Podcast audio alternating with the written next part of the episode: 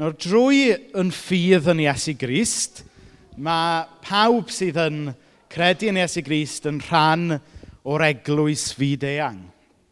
Ond eto, da ni yn credu bod bod yn gristion nid jyst yn golygu bod yn un efo Iesu, ond mae e'n golygu bod yn un yng nghorff Iesu, sef i eglwysau. Ac felly fel eglwys i ni yn meddwl fod perthyn i eglwys leol yn rhan o'r darlun. Yn wir, bron y bod yr un mor bwysig bod yn gristion ydy bod yn rhan o'r corff o bobl mae Iesu wedi marw drosto fe. Ac felly, mae yn fraint arbennig bod ni'n cael um, derbyn um, dwy aelod newydd bore yma, sef Tora a Neris. Felly, Tora a Neris, le chi, o, Tora, na ni. uh, Neris, ti eisiau ymuno gyda ni yn y blaen hefyd? Na ni. Mae Tora a Neris, maen nhw um, wedi cael eu bydyddio cyn dod ata ni, felly i, i ni ddim yn ei bydyddio nhw, ond eto i ni yn credu fod proffes ffydd rhywun yn bwysig cyn bod rhywun yn, yn cael ei derbyn yn aelod. Felly, yn, yn sydyn iawn, mae Tora a Neris mynd i rannu rhywbeth am eu taith ffydd a sut maen nhw yn adnabod Iesu fel ei arglwydd. So, pwy ti eisiau mynd gyntaf? Na ni, tora chwarae teg. okay. Um, Bydd rhaid i mi ddallen, achos mae ma gen i state fried. okay, mae fy mywyd i yn gallu bod yn ddryslyd weithiau. A dwi wedi bod yn Cristion ers mi bod yn deuddeg oed. A ro'n i'n treulio llawer o amser efo Crisnogion uh, wedyn. Uh, roedd yn bryd hyfryd, a roedd gen i problemau personol uh, mawr yn yr ysgol ac yn y teulu. Mewn pryd, nes i golli cysylltiad efo Diw, nid drwy benderfyniad roedd yn just digwydd, ond mae pethau'n digwydd. Yn ystod y blynyddoedd nesaf, ro'n i'n uh, rhan o rhai capelau, fatha Casalam, ond roedd yn fel on and off uh, drwy fy mwyd. Um, fel arfer, dwi'n cael trafferth siarad efo Diw pan gen i problemau, a dwi wedi cael llawer o problemau yn ystod fy mwyd. Um, Doedd gen i ddim llawer o awydd i fynd i unrhyw capel pan nes i symud i Gymru. Dyna fi. Uh, roedd gen i lawer o amheion. Ond mae Diw yn tynnu fi yn ôl bob tro dwi'n mynd i ffwrdd. Mi wnaeth o dangos y ffordd i Casalem i mi. Ar y ddechrau, ro'n i just wrth fy modd efo'r cerddoriaeth. Uh, mae Diw wedi siarad efo fi drwy cerddoriaeth erioed. Uh, mewn pryd, uh, roedd yn mynd yn glir i mi bod pobl Cysalem yn pobl da, yn hyfryd, yn genwyn. Ac wedyn, un di syl, rhyw flwyddyn yn ôl, um, mi naeth Diw siarad efo fi yn personol iawn. Ro'n i'n dal yn llawn o ymheion. Roedd gen i cwestiynau, llawer o ond, ie, yeah, mae hynny yn wir, ond, dwi'n gwybod hyn, ond. Roedd yr atebion ar y wal bob tro ar y ddydd syl yma uh, Diw nath siarad efo fi yn personol iawn. Mi nes i ddechrau newydd efo Diw eto, ddim am y tro cynta. Mae'n gobeithio bydd ddim angen mynd trwy hynny eto. Um, dwi eisiau aros efo Diw, achos dydy bywyd ddim yn gwneud synwyr heb Diw, ddim o gwbl. Um, mae Dyw wedi bod yn agos iawn at ei drwy blwyddyn diwetha. Mae'n anhygol. Dwi'n dysgu neu ail dysgu. Llawer o bethau mae o'n gweithio yn agos efo fi. Ond dwi'n siŵr mod i angen cefnogaeth. Dwi angen help gan y teulu. Angen chi i gyd. Dwi'n siŵr mae dyma beth da ni'n neud, da ni'n cefnogi yn gilydd, um, helpu'n gilydd i fod efo ddiw. Uh, fedrai ddim gwneud hyn hebddo chi. Diolch chi i gyd. Diolch fawr iawn, Tora.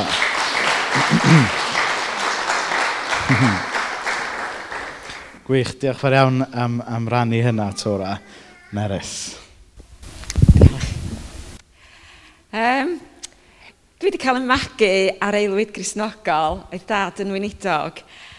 Ac es pam dwi'n ddim o beth, um, dwi'n meddwl na Iesu Grist oedd y person cyntaf i fi syrthio mewn cariad hefo. A mae Iesu Grist yn person special iawn yn y mywyd i. A heb dda fo, fyswn i ddim yn sefyll yma o'ch blaen chi bore yma. Mae stormydd a poena bywyd yn gallu bod yn ergyd i ni gyd. Ac fel merch i weinidog,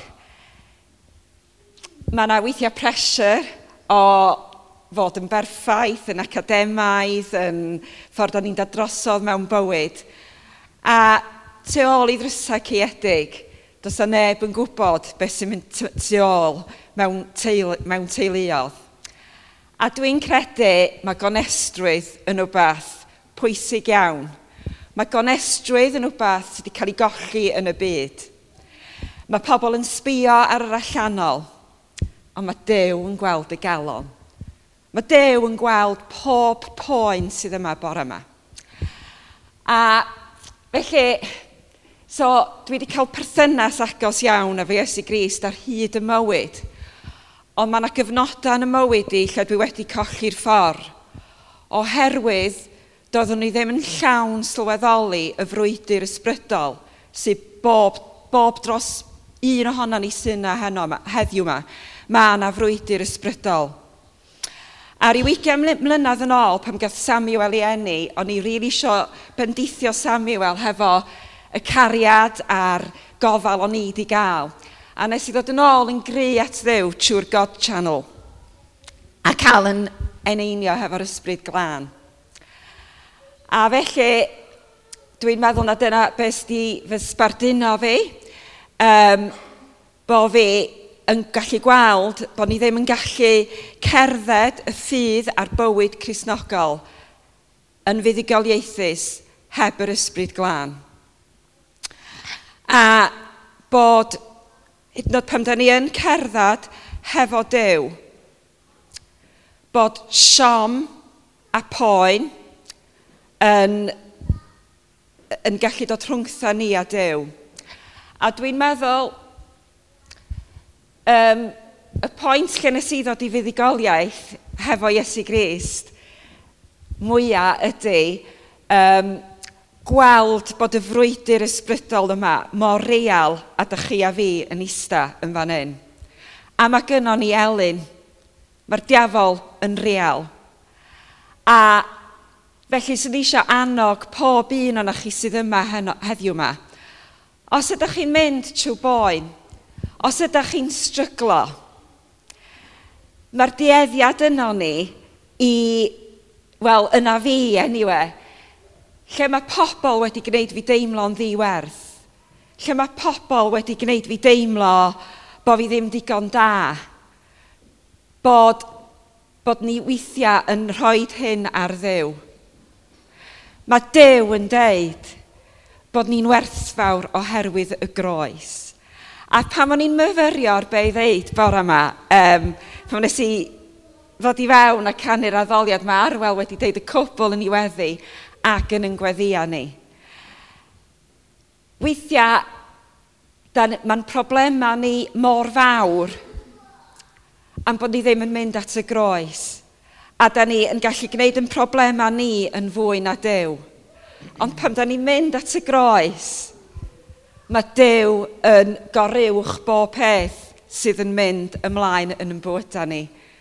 Ac er bod y frwydr yn anodd ar adegau, mae'r frwydr yn unig a mi ydy ni'n mynd i gael siom. Ond fedra i ddeud yn hollol hyderus y bore yma.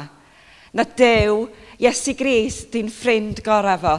Fi, fo ydy'r graig sydd wedi dal fi ar, ar hyd yn haith. Ac ers pan dwi wedi symud yma i Caesalem yn mis Medi, dydy pethau ddim wedi bod yn hawdd. Mae, dydy pethau ddim wedi mynd yn, yn, yn ffordd i. Ond rhaid fi ddeud bod fi yn amazed hefo ffordd mae Dyw di arwain fi i Caersalem. Dim deud bod y capel yn berffaith ydy ni, da ni'n bobl amherffaith. Ond mae'r gweddia a'r cariad yn anhygoel o be dwi wedi brofi. Mae gynnon ni arweinwyr tu hwnt o wylaidd yn Rhys a Mena. A maen nhw wedi siarad i fewn i'n halon ni. A dwi eisiau bod yn rhan o'r aelod yr eglwys yma, oherwydd dwi rili really eisiau gwasanaethu Iesu Grist. Gan i pasiwn mawr am weddi. Dwi'n credu bod Iesu Grist yn atab pob gweddi. Dwi'n credu bod gynnon ni awdurdod mewn gweddi a dwi'n credu bod Iesu Grist isio ni fynd ymlaen mewn buddigoliaeth. A dwi'n mynd i orffan efo fy hoff adnod. Nath Iesu Grist droed i fi pam nes i fynd trwy gyfnod isel iawn iawn. A'r adnod ydy, the joy of the Lord is my strength. A dwi'n credu bod yr adnod yna mor real yn y mywyd i. Cys mae yna adegau lle mae'n nghalon i wedi cael ei thorri. Dim unwaith neu dwy waith, ond tro ar ôl tro. Ond fedra i ddeud yn gwbl argyhoeddiedig na Iesu Grist ydy cor llawenydd yng nghalon ni. A mae'r adnod yna, os oes gynnwch chi lawenydd yr arglwydd hefo chi, da chi'n gallu gwynebu rhywbeth. Diolch fawr iawn, Eres.